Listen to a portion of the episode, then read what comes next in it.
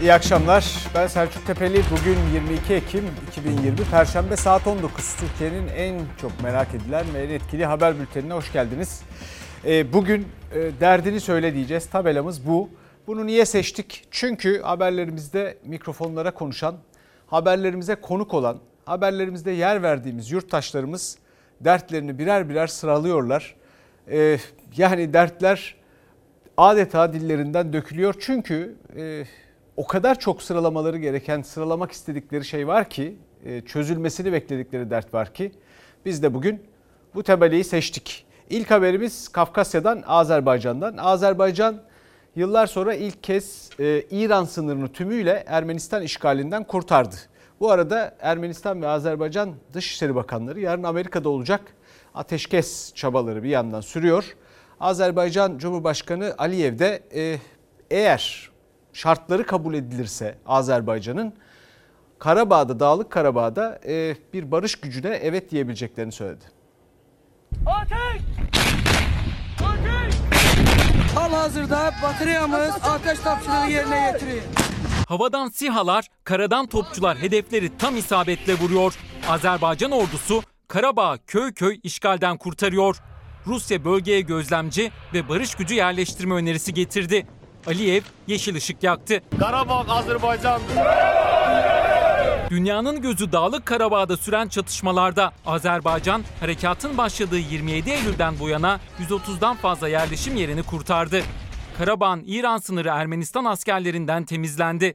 Sınır 27 yıl sonra Azerbaycan kontrolüne geçti. Ali Başkomandanın rehberliğiyle işgalda olan topraklarımızı işgalden azat edeceğiz.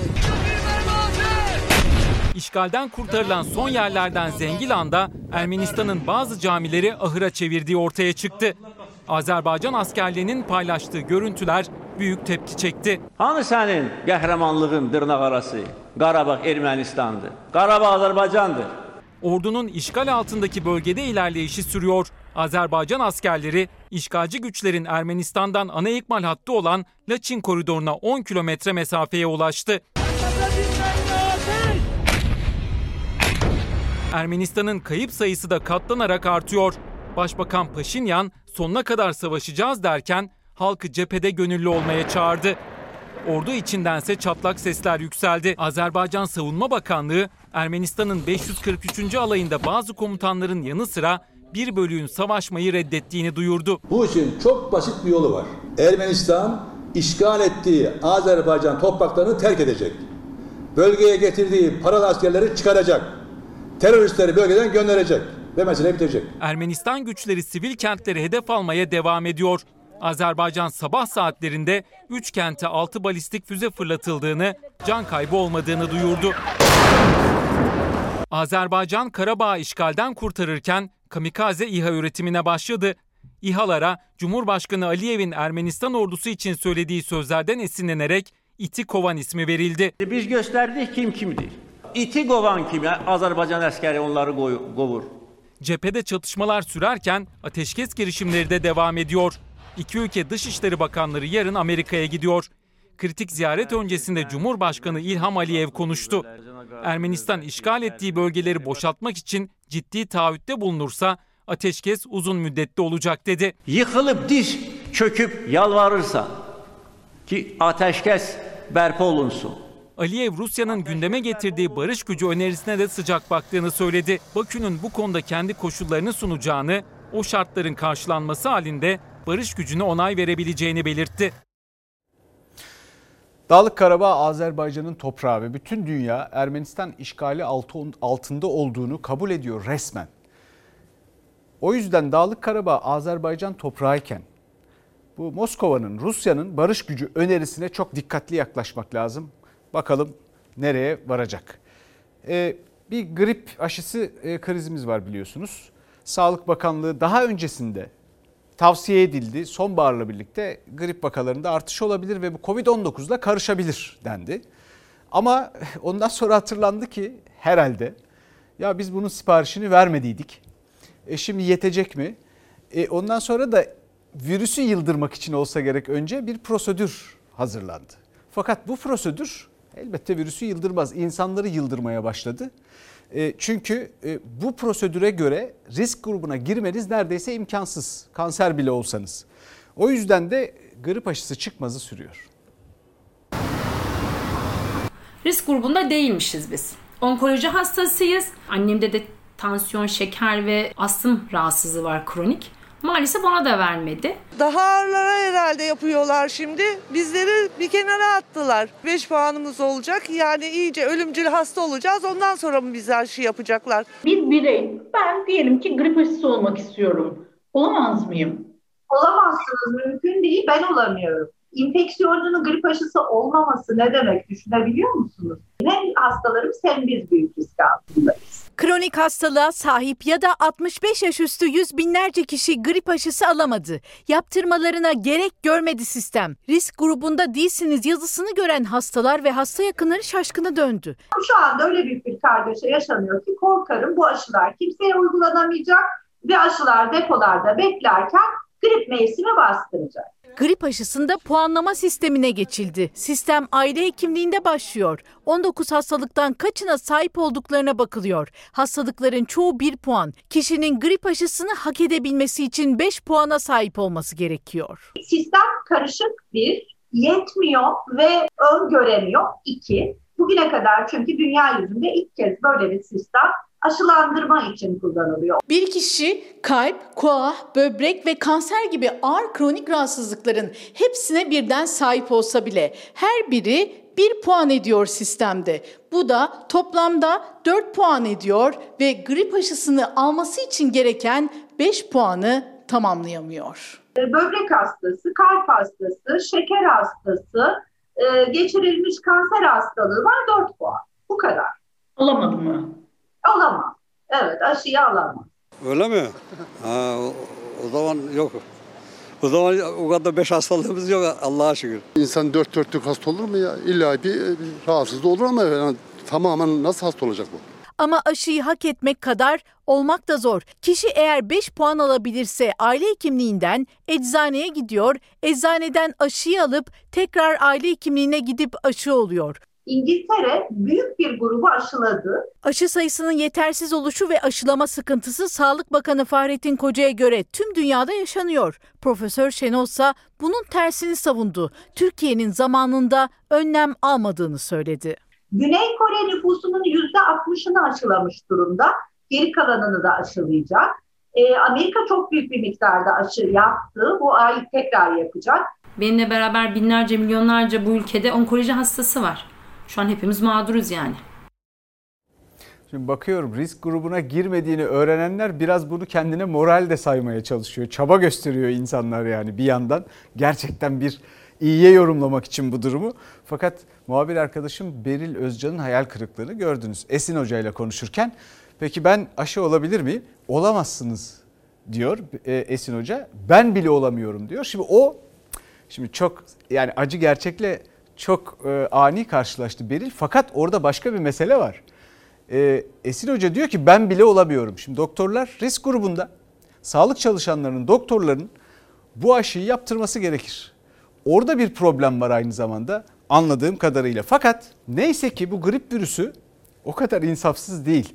Güney Amerika'dan gelen verilere göre bu Covid-19'a karşı alınan bütün önlemler Güney Amerika'da biliyorsunuz kışı atlattılar işte ilkbaharı filan. E, tam da grip zamanıydı aynı zamanda Covid-19 ile birlikte e, grip e, vakalarında çok ciddi azalmalar var önlemler nedeniyle. Yani bu işte e, maske takmak, e, el temizliği gibi önlemler, mesafe gibi önlemler nedeniyle yani birçok ülkede daha önce bir önceki yıl grip olan 10 kişiden 9'u grip olmamış. Neyse ki e, öyle bir haber geldi. Umarız bizde de böyle olur ama önlemlere dikkat etmek gerekir. Şimdi e, Ankara'ya ve siyasete gideceğiz. E, Ankara'da siyaset dünyasında bir e, seçim tartışması sürüyor, bitmiyor. Namertlerle dövüşüyoruz biz. Kimin adına? Milletimizin adına. Delikanlı gibi çıkın be. Adam gibi çıkın. Gelin birlikte mücadele edelim. 2023'e şurada 3 yıl kaldı. 2023'e bütün gençlerin hazırlık yapması lazım. 18 yıldır iktidarda olup beni işsiz bırakana ben asla oy vermeyeceğim demesi lazım. 2023 mü daha erken mi? Siyasetin seçim barometresi bir iniyor bir çıkıyor. Milli iradeye gitsene, hakemliğine başvursana. Ne korkuyorsun? Türk toplumu ne Cumhuriyet Halk Partisi'ni ne İyi Parti'yi ne de diğer Millet İttifakı'nın unsurları olan partileri alternatif olarak görmüyor. Erken seçime gitmemek için daha ne yapacak? Ekmeği askıya çıkarttılar ya. Ekonomisi böyle sürüklenemeyen bir ülkede seçimden başka çareleri yok. 2021 yılı seçimsiz bitmeyecek. Herkes seçim olsun diyor. Niye? Kendini bu açlığa mahkum eden iktidardan kurtulmak istiyor. Muhalefet ekonomideki tablo erken seçimi işaret ediyor derken Cumhur İttifakı'nın kapıları kapalı. Seçim tartışmalarının gölgesinde İyi Parti'de FETÖ'cü krizi çıktı. Akşener AK Parti ile karşı karşıya geldi. Bir kadın politikacının gecenin 11.30'unda bu ülkede evi basıldı evi. 28 Şubat'ın Meral Akşener'ine kafir dendi kafir. Kendileri aynı yorganın altında uyudular. Ben dahil hepimize FETÖ'cü dendi. Bu bir operasyon. Bu operasyon 6 ay evvelden de haberimiz de var. Sadece Türkiye'nin içinden yönetilen bir operasyon da olmayabilir. Kendi içlerinde yaşadıkları bir krizi kendilerine yapılmış bir operasyon olarak değerlendirmeleri çuvala sığmayan mızrağı e, kapatmaya çalışmak anlamına geliyor. İyi Parti FETÖ kriziyle uğraşırken hedef Millet İttifakı mı? Ekonomideki gelişmeler Cumhur İttifakı'nın 2023 seçim hesaplarını etkiler mi? Soru çok, siyaset dalgalı. Siyasi partilerde benim gözlemlediğim e, yeni nesil yani gelecek nesil sandığa gittiğinde e, ne oy verecek, nasıl davranacak merak ediyorlar ve hatta tedirginler. Bir şeyler de yapmaya çalışıyorlar ama galiba gelecek nesili yani sandıktaki gelecek nesili pek de anlamıyorlar. Çünkü bu diyaloglardan ben onu anlıyorum. Yani gerçekten şöyle tek cümleyle onlara bir vizyon sunan görmedim. Bir yandan da Sayın Cumhurbaşkanı dün amorf bir nesilden bahsetti mesela ki o da bambaşka bir şey ki bence yani hepsi okumuş sağlam çocuklar gayet de akıllılar. Yani öyle şekilsiz demek amorf. E, bu arada bu işin kimyasına fiziğine baktığınızda çok yaratıcı da olabilir. Aman onu gözden kaçırmasınlar. Çünkü e, yani bir erime noktaları yok. Yani bambaşka bir kimyadan bahsediyoruz. Bence üzerlerine yeni neslin, gelecek neslin üzerine dikkatle eğilmelerinde fayda var. Ama şimdi bir yandan da bu temaslar gençlerle sürüyor. Fakat mesela CHP'de bir fotoğraf krizi gündeme geliyor. Şimdi fotoğraf krizi hiç mesela o genç kafaya uymuyor. Çünkü yani bir fotoğraf görüyorsunuz. İşte e, Bekir Coşkun'un cenazesinde sol tarafta e, Muharrem İnce yok. O fotoğraf kesilmiş. O da bir krize yol açıyor. Muharrem İnce de diyor ki beni niye kestiniz filan. Ya yeni nesil, gelecek nesil bakın bunlarla oyalansın istemiyor. Allah rızası için El Fatiha. Sayın Genel Başkan'la yan yanayız. Cumhurbaşkanı adayı olmuş 5 dönem milletvekilliği yapmış adamın fotoğrafını kesiyorsun. E bunu sen yapıyorsun, kendini sen tartıştırıyorsun. Muharrem İnce, Bekir Coşkun'un cenaze töreninde yan yana saf tutmuştu CHP lideri Kılıçdaroğlu'yla. Cenaze sonrası CHP'nin resmi internet sitesinde yayınlanan bu fotoğraf İnce'yi kızdırdı. O fotoğrafı kesen kişilere teşekkür ediyorum ben aslında. Partide bölücünün kim olduğunu gösterdikleri için. Kimmiş bölücü? Allahu Ekber. CHP'nin resmi internet sayfasında yayınlanan fotoğrafta hemen yanı başında duran İnce yoktu. Dua sırasında çekilen ve İnce'nin beni kesmişler dediği o karede sadece eli görünüyordu. İnce'nin fotoğraf tepkisi Cumhurbaşkanlığı seçiminde bana oy vermişler midir acaba sorusuyla geldi. Çok merak ediyorum. Böyle bir anlayış acaba Cumhurbaşkanlığı seçim gecesinden kazanmamı istemiş midir? Cenaze namazı öncesinde Kılıçdaroğlu'yla İnce'ye kısa bir süre sohbet etmiş, namaz sırasında da yan yana saf tutmuşlardı. Ama toplu cenaze fotoğrafı kullanılırken ya İnce'nin olduğu kare tercih edilmemiş ya da İnce'nin iddia ettiği gibi kendisinin olduğu bölüm kesilerek servis edilmişti. Bir fotoğraf karesi CHP'de bir parti içi tartışmanın daha fitilini ateşlemiş oldu. Kimmiş bölücü? Hiç kimseyi karıştırmak gibi bir derdimiz yok. Kendi kendinizi siz karıştırıyorsunuz zaten. Şimdi e, ne gençlerimiz var gençlerden devam edelim. Yani öyle gayet dinamik, zeki, dünyayı anlayabilen ve gerçekten çok yaratıcılar. Ama mesela şimdi burada yine e, onların adeta onların tabiatına muhalefet eden bir tartışma var dedik. E, Muharrem İnce'yi de doğrusu anlamakta güçlük çekiyorum. Çünkü bu küskünlük tuhaf. Yani bu ülkede hepimiz Cumhurbaşkanı adayı olabiliyor muyuz böyle sık sık? Yani bu bayağı büyük bir e, büyük bir hem başarı hem de büyük bir e, hikaye. Yani bunu bu kadar çabuk unutmamak lazım. Bu kadar küsmemek lazım hayata. Yani Cumhurbaşkanı adayı olmuşsun bu ülkede ve önemli bir şey bu. Yani başkaları da aday olsun efendim. Değil mi? Sırada pek çok genç var. Ee, şimdi e, Ankara'da bir de askıda ekmek tartışması var. O da bitmek bilmiyor. Büyüyen ekonomi, mucize yaratan ekonomiden nereye geldik? Askıda ekmek. Hollanda'da e, bir bahçe duvarına asılmış askıda elmaları medeniyet budur işte diye haber yapanlar bugün askıda ekmekten yoksulluk çıkarmaları dezenformasyon anlayışlarının da bir sonucu. AK Parti Genel Başkan Yardımcısı Mahir Ünal, Hollanda'da bahçe duvarına asılmış elmalarla askıda ekmek kampanyası benzer dedi. Ekonomi eleştirisi yapan muhalefeti eleştirdi. Sadece siyasetin değil sokağın gündeminde de askıda ekmek vardı. Devlet Bahçeli askıda ekmeği şey yapıyor millete hani dalga geçiyorlar. Askıya ekmeğin koyulmasını milletin açlığa mahkum edilmesi diye gören ve gösteren siyasi devşirmeler ekmeğin askıya çıktığı bir yerde ekonominin iyi olduğundan, halkın refahından bahsetmek mümkün mü? MHP lideri Devlet Bahçeli'nin başlattığı askıda ekmek yaklaşık bir haftadır siyasetin gündeminde.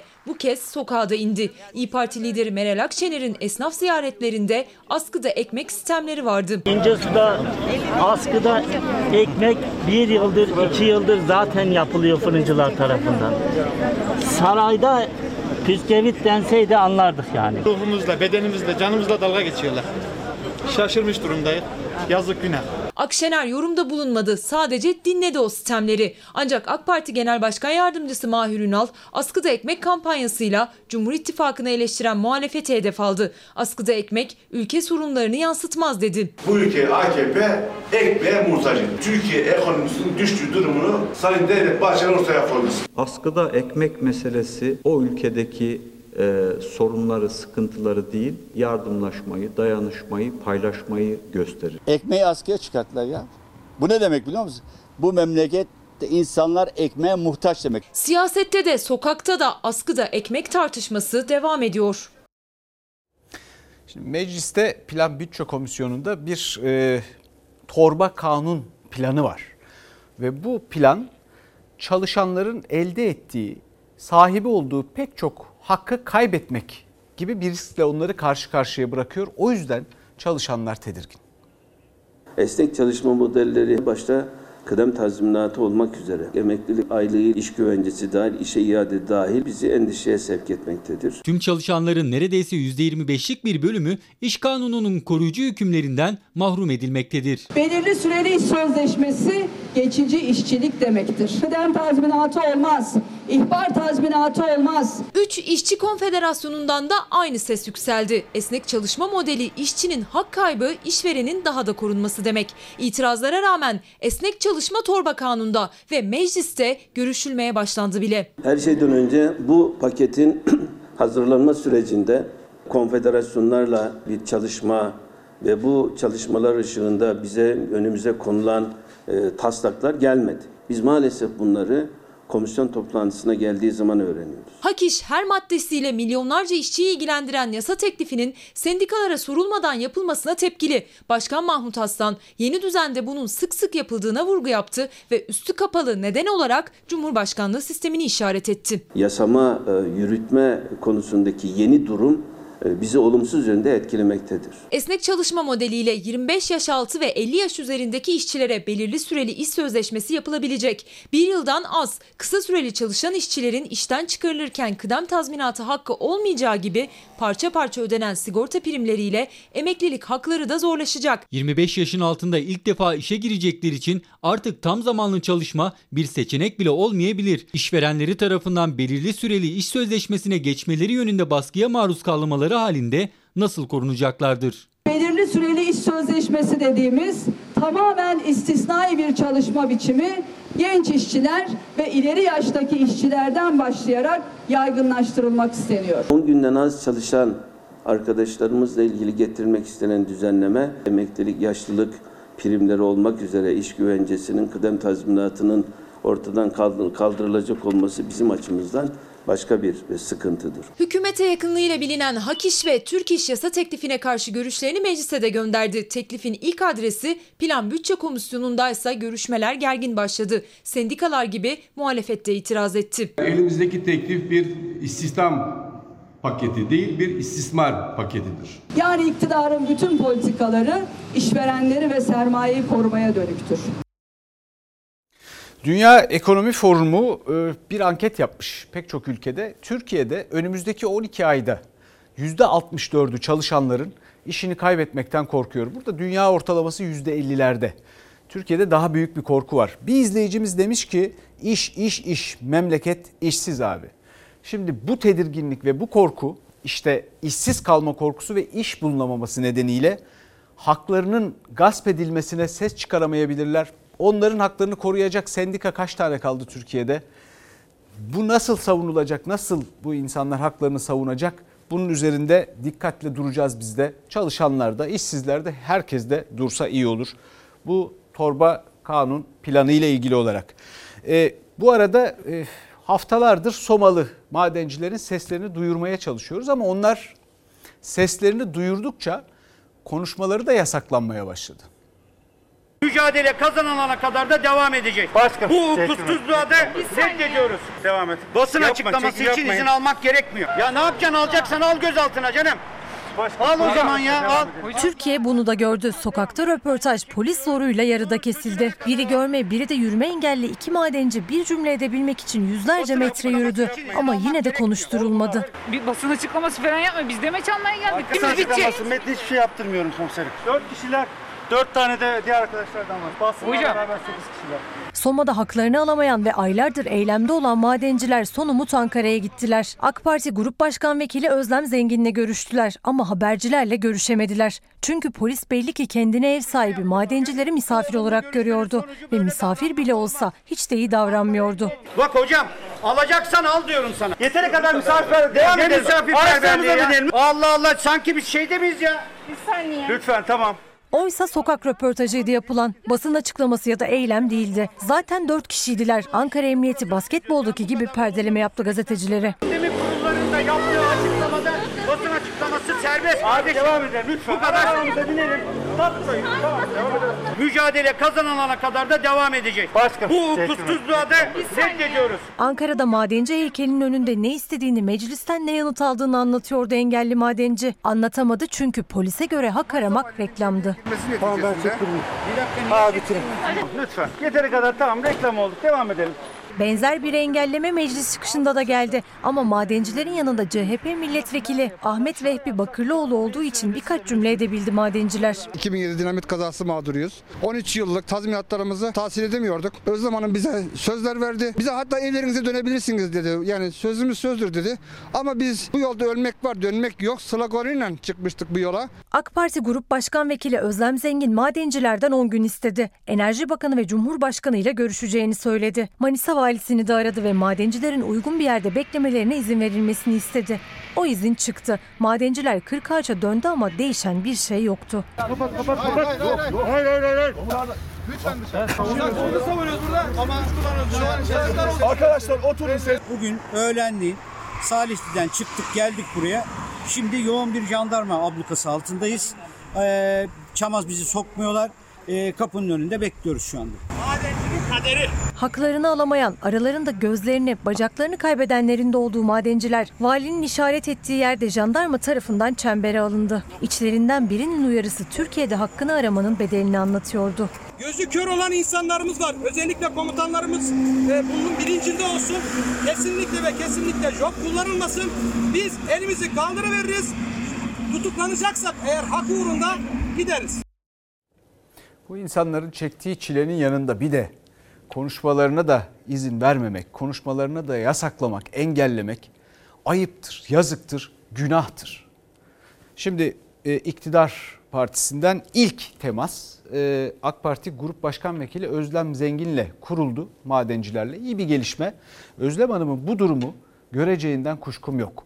Ve umarım en kısa zamanda bu insanlar haklarını alırlar. Çünkü ömürleri hak aramakla geçti bu insanların.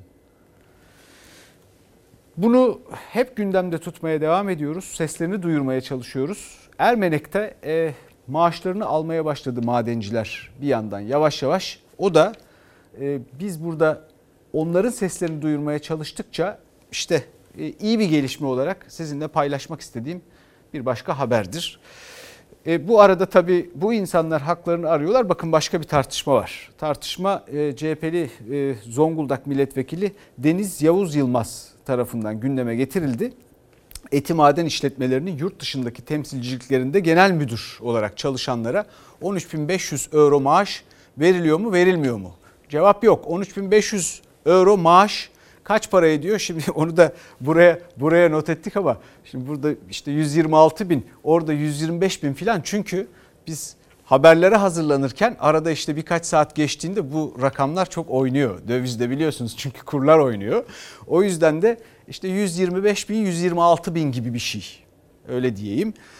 E şimdi düşünsenize oradan şöyle bir açıklama da gelebilir. Belki de ondan endişe ettikleri için o açıklamayı yapmıyorlar. Ama orada Avrupa'da maaşlar böyle diye. Şimdi bunu söylemek de mesele çünkü.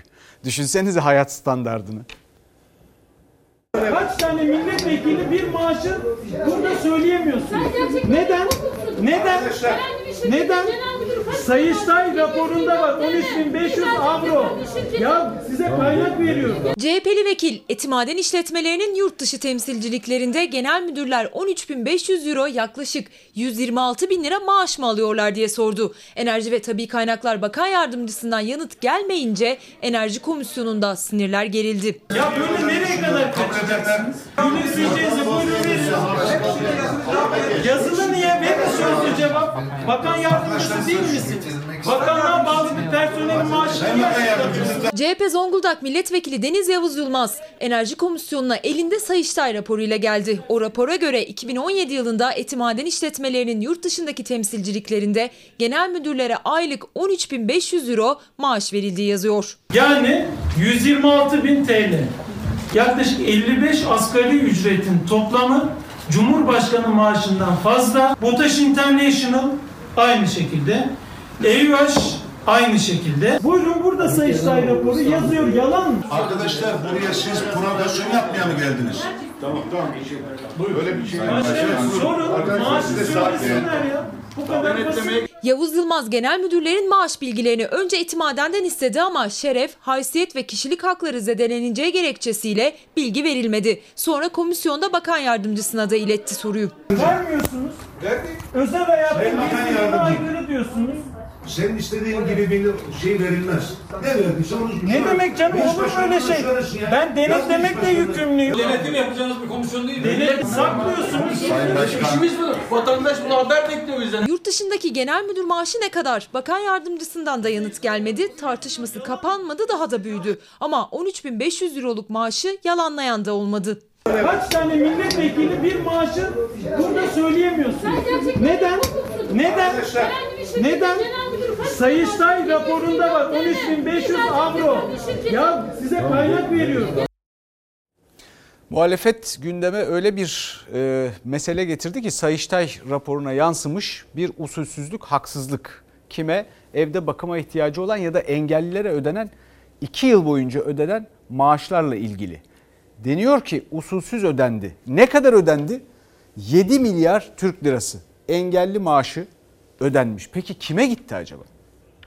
2 yılda 7 milyar TL'yi buharlaştırmışlar. 2018 ve 2019 yıllarında toplamda 6.9 milyar TL usulsüz bir ödeme var. Rakamlar Aile Bakanlığı 2019 Sayıştay raporundan Sağlık Bakanlığı sisteminde izine rastlanmayan ve engelli olmadığı ya da engellilik oranı tutmadığı halde engelliymiş gibi engelli aylığı evde bakım ödemesi alanların sayısı on binlerle ifade edildi. CHP'li vekilse ay ay rakam rakam hesapladı. Sonuç dudak uçuklu uçuklattı. 2 yıl boyunca 442.309 kişiye yaklaşık 7 milyar lira ödeme yapıldığını iddia etti. Enerji Tabi Kaynaklar Bakanlığı, Ticaret, Çevre Şehircilik, Kültür Turizm ve Dışişleri Bakanlığı 5 bakanlık içerisinde daha fazla usulsüz ödeme yapılmış. Hak etmeyen, engelli olmayan, sapasağlam insanlara bu parayı kimlere verdiniz? Beş bakanlığın bütçesine denk gelen bu usulsüz ödemeler Sayıştay raporunda kalem kalem yazılıp bir tablo halinde ortaya konmuş. Sağlık Bakanlığı'nın rapor sisteminde engelli olduğuna dair herhangi bir belirti yok. Raporu yok adamın. Rapordaki bu çarpıcı tespitleri gündeme taşıyan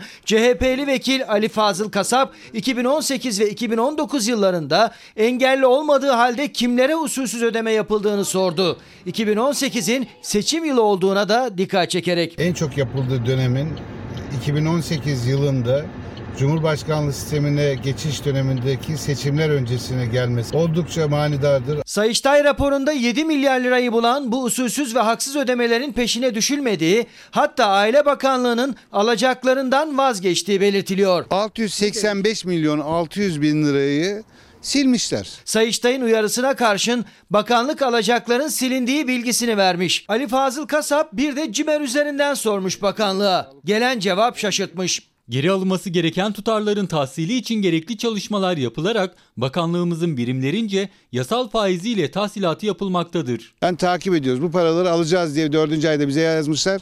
Ama Sayıştay'a verdikleri ifadede sildik demişler. Aile Bakanlığı'nın iki farklı cevabı birbiriyle çelişti. Sağlık Bakanlığı'nın engelli verileri Aile Bakanlığı'nın verileriyle örtüşmedi. Ama 2 yılda 7 milyar liralık haksız ve usulsüz ödeme siyasetin en sıcak gündemi oldu. 6.9 milyar lirada binlerce tüy bitmemiş yetimin hakkı var. Bu paranın derhal hesabını verin. Siz hiç mi kuldan utanmaz Allah'tan korkmazsınız?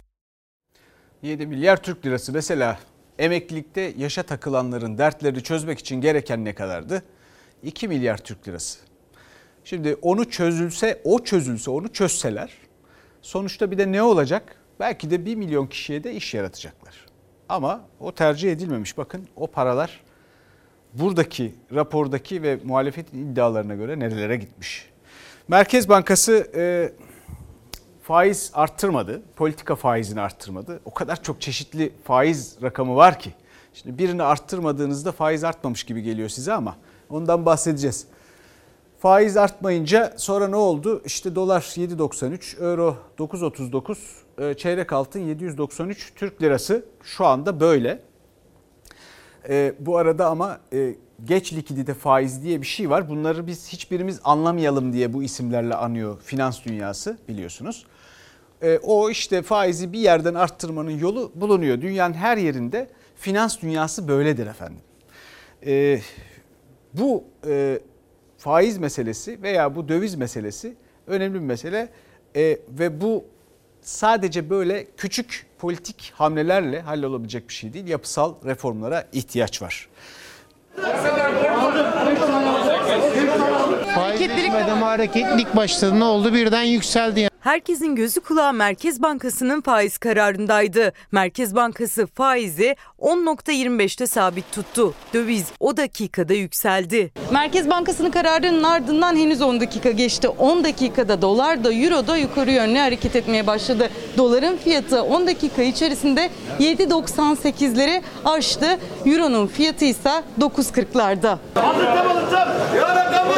Bazı döviz büroları ise hareketliliğin ardından tabelalarını kapattı. Dövizdeki yükseliş duracak mı yoksa daha da mı artacak? İşte bunun için gözler Merkez Bankası'ndaydı. Merkez faizi arttırmadık dedi ama bankalara uyguladığı faiz oranını arttırdı. 13.25'ten 14.75'e yükseltti. Aslında Merkez Bankası faiz arttırdı. 150 bas puan faiz arttırdı. Merkez Bankası bir bakıma arka kapının arka kapısı arka kapısı şeklinde bir faiz artırımı yaptı ama tabelada faiz artırmadı. Peki Merkez Bankası neden bu yolu gitti? Uzmanlara göre bunun nedeni merkez üzerindeki baskı. Daha önce de yaşanan tecrübeler. Önceki Merkez Bankası'nı görevden aldık çünkü laf dinlemiyordu. Demek ki bu Merkez Bankası Başkanı da görevden almak lazım. Faizi sıfırlasaydı belki dolar hiç bu kadar yükselmezdi. Daha yukarılara, daha üstlere e, laf dinlediğini, e, laf dinle, dinleyerek koltuğunu koruduğunu e, da ifade etmiş oldu.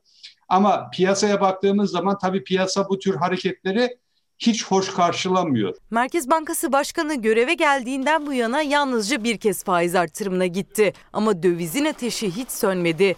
Bankanın örtülü faiz kararıyla da uzmanlara göre piyasalarda güven kaybı arttı. Dolarda, euroda tarihi rekor kırdı. Faiz kararının açıklandığı ilk saniyelerde dolar Türk lirası karşısında 12 kuruş, euro ise 24 kuruş birden yükseldi. Dolar 10 lira olacak ya 15 lira olacak ya 6 liradan 7 liradan toplayalım dolarları. Ha 10-15'e satarız. Dolar düştü 5 liraya. TL'nin değeri tabiri caizse ne 94 krizinde ne de 2001 krizinde böyle bir seviye görmedi. Bu kadar değersiz olunca ne oluyor? Sizin elinizdeki kendi mallarınız yabancıya karşı sudan ucuz hale geliyor. Yabancının saçı bile altın değerine geliyor. Tabelalar, grafikler, açıklamalar aslında tüketici için en net gösterge cüzdanındaki para.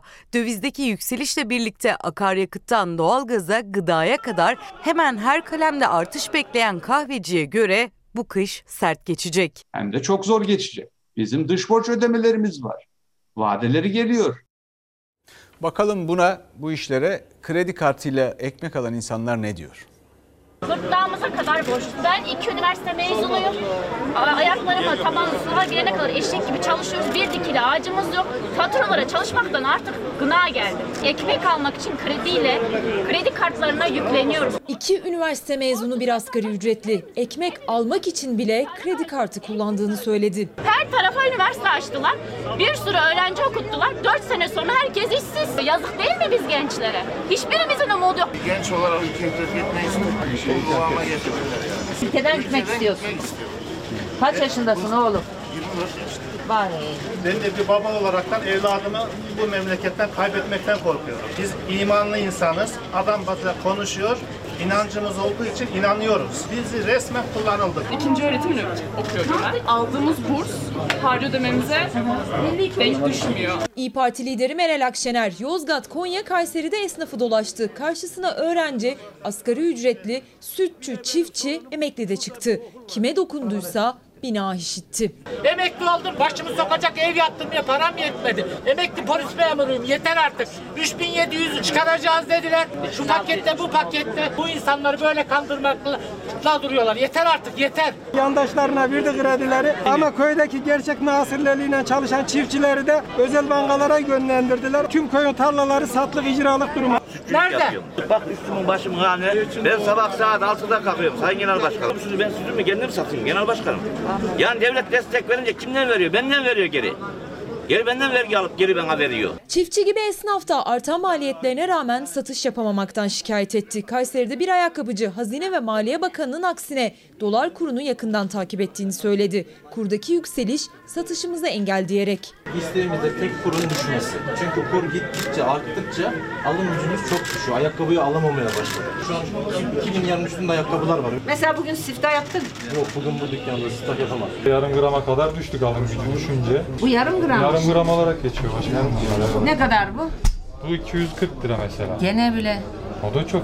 240'a 3 sene önce çeyrek altın satılıyordu. Bir kuyumcu da altın fiyatlarındaki yükseliş karşısında alım gücünün nasıl düştüğünü anlattı Akşener'e. İyi Parti lideri farklı şehirlerde sokak ekonomisinin nabzını tutmaya devam ediyor. Bizden ne kelime ekonominin kurmaylarından bile daha güzel anlatıyorlar. Ne diyeyim? Bakalım emeklilerimiz ne anlatıyor? Ne kadar maaş? 2000 lira. 2000 lira nereye gidiyor? Vallahi ben de bilmiyorum ki.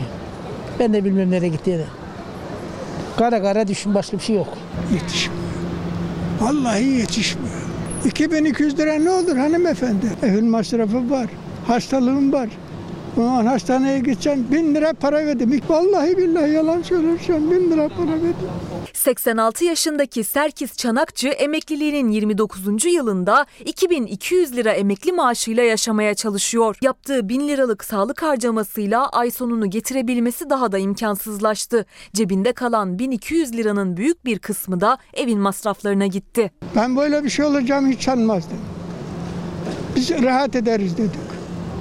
Daha kötü oluyor. Çalışıyorum, çalışıyorum, emekli olacağım, rahat edeceğim diye. Öyle hayal ediyordum. Peki öyle oldu mu emekli olunca? Hayır canım, nasıl olacak ki? Sizin emeklilik hayalleriniz neydi? Bir yerde yazlığım olsun. Altımda arabam olsun. İstediğim zaman eşimle tatile gideyim. Şimdi ama o hayaller yok. Türkiye'deki 13 milyonu aşkın emeklinin %20'sini oluşturan 2 milyon 600 bin kişi en düşük emekli maaşı olan 1500 lirayla geçinmek zorunda. Aylık harcanabilir gelirleri ise Temmuz ayı itibarıyla yaklaşık 763 lira. Yani bir ay boyunca 763 lirayla yaşamaya çalışıyorlar. O da iyimser tabloda. Yıllarca çalıştınız, hak ettiğiniz para bu mu? Değil ben 25 sene prim ödedim. Ben 30 yaşındayım. Emeklilik hayallerim var. Emekliliğim nasıl geçebilir benim? Valla bu şartlar altında işiniz zor. Size Allah yardımcı olsun. Elinize geçecek olan para her geçen gün aşağı düşecek. Umduğumu bulamayacak mıyım emek? Mümkün değil. Mümkün değil. Geçim sıkıntısı çekecek miyim? Son derece. Priminiz yüksekten yatmışsa tamam. Değilse alacak olduğunuz maaş 1500 liraya çıkardılar. 1500 lirayla bir insanın geçinmesi mümkün mü? Günlerim, aylarım nasıl geçecek peki? Sıkıntı içinde geçecek, hesap kitabı yaparak geçecek. Allah'tan ek iş yapıyorum, onunla yoksa bu emekli maaşına geçirmek Türkiye'de mümkün değil. Emeklilik hayallerini gerçekleştirebilmek bir yana birçoğu çalışmaya devam etmek zorunda. Türkiye'de emeklilerin neredeyse yarısı sayı olarak 4 milyon 300 bini ya çalışıyor ya da iş arıyor. Çünkü en büyük dertleri geçim sıkıntısı. İsterdim ki emekli olduğum zaman bir Avrupalı gibi ben de memleketimin her köşesini gezeyim, tozuyum. Ailemle yiyeyim, içeyim, istediğimi alabileyim ama mümkün değil. Yani o düşündüklerimizin onda biri gerçekleşmedi. Çalışma Bakanı Zehra Zümrüt Selçuk'un Ağustos ayında toplamda 13,1 milyon emeklimize 30,5 milyar liralık aylık ödemesi yaptık sözlerine DİSK Genel Başkanı Arzu Çerkezoğlu gibi emekliler de tepki gösterdi. Babasının cebinden mi harcamış? Kimin parasını kime veriyor? Sarayda milyonlar harcıyorlar. Ondan sonra da gayet fakir ekmeğin öyle. Beni konuşma hadi eyvallah. O amcam ağladığı için ben kendi payıma çok özür dilerim. Şimdi Nazlı Yere Basmaz'la benim hikayemde Mersin'e gideceğiz. Atatürk'ün 1936'da kurduğu bir kooperatif. İlk üyesi de kendisi. Şimdi tekrar ayağa kalkmış kadınların emeğiyle.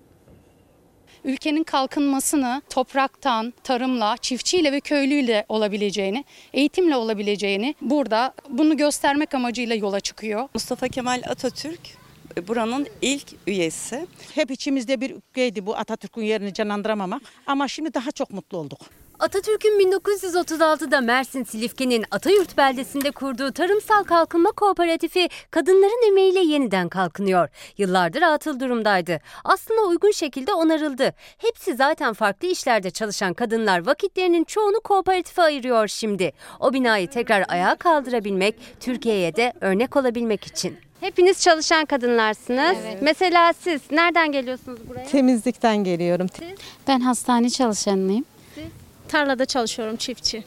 Ben de temizliğe gidiyorum. Kooperatif çatısı altında ne yapıyorsunuz? Zakum dikiyoruz. Bunu yetiştireceğiz. Önce çiçek üretecekler. Ürettiklerini de belediye satın alacak yolları süslemek için. İlk hedefleri minibüs bile geçmeyen köylerindeki o binaya sağlık odası, kütüphane ve kreş kurmak. Sonrasında da yöresel ürünlerini tüm dünyaya pazarlamak. Dışa bağımlılıktan kurtulup tekrar eskisi gibi güçlü bir Türkiye haline gelebilmemizin tek şeyi bu topraklara sahip çıkmak. Benim rahmetli dedem bu kooperatifin 13. üyesiydi. Yani Atatürk'ün bu topraklara sağladığı e, imkanları biz de 3. kuşak olarak sürdürmeye devam ediyoruz. Mersinli kadınların ellerinde zakkum çiçekleri ama asıl içleri çiçek gibi açıyor şimdi. Atatürk'ün kurduğu kooperatifin çatısı altında üretmenin ve bu mirası çocuklarına bırakacak olmanın heyecanını taşıyorlar. Benim kız torunlarım var. Onlara örnek olsun diye. Yoksa benim gelip de bu yaştan sonra burada uğraşacak zamanım da yok. Ama torunlarımla yeni nesillere, gençlere Atatürk'ü anlatmak, Atatürk'ün anılarını canlandırmak.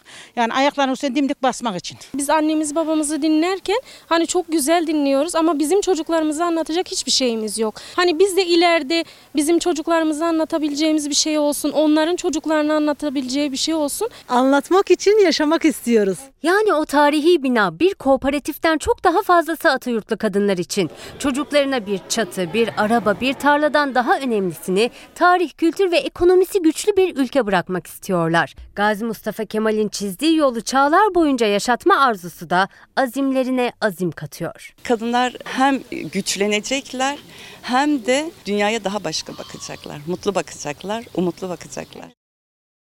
Efendim bir dakikada bugün kadınların ekonomideki öneminden bahsedeceğiz. İnanılmaz rakamlarla.